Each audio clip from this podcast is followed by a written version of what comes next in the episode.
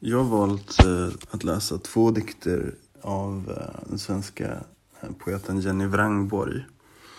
Och jag valde att läsa henne för att jag tycker att hon skriver om det svenska klassamhället på ett väldigt nyskapande sätt. Och hon skriver om samhällets orättvisor på ett sätt som inte gör människor till offer utan hon skriver snarare om ganska, med ganska stor värme för de, de människorna som, som man också själv eh, har arbetat eh, i vid samma sida som hon är utbildad kallskänke och ja, eh, har väl skrivit poesi samtidigt som hon har jobbat helt enkelt. Och de två dikterna som jag kommer att läsa är en som heter Klassförtrycket och en som heter Striden.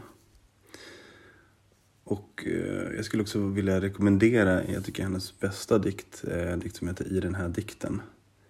Men den eh, tänker jag inte läsa så den får bli en liten teaser så. Den är ganska stark så och berör ganska tunga teman.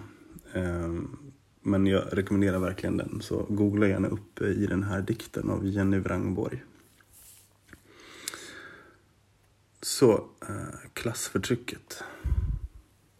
Klassförtrycket är inget vagt eller konstigt, inget tveksamt som bekymrar dig ibland. Klassförtrycket är bostadslösheten och lyxvillorna i långa drag. Det är överklasskärringen som snäser av dig i kassalinjen. VDn på företaget som kallar oss sina arbetare.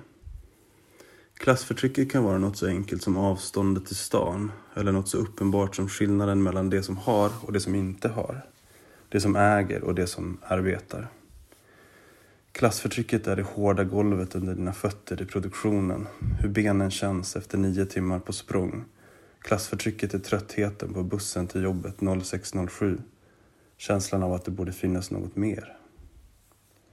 Klassförtrycket är inget vagt eller konstigt. Inget tvetydigt svar på en konstig fråga. Klassförtrycket är arbetslösheten och det faktum att det fortfarande finns saker att göra. Det är ett förbannat slöseri med resurser. Ett sätt att hålla lönerna i nivå med tacksamheten. Klassförtrycket är tiden du spenderar på akuten medan andra går före dig i kön. Är dina utslitna axlar och stela nacke, ärren på dina händer efter varma plåtar. Klassförtrycket är tiden du kan njuta för att sedan vara tvungen igen. Klassförtrycket är den förlorade arbetsglädjen. Klassförtrycket är inget diffust eller allmänt. Det är en förklaring på tröttheten och ilskan. Ett enkelt svar på en enkel fråga. Är både problemet och den nalkande lösningen när tröttheten och ilskan blivit för stor att vi inte orkar mer.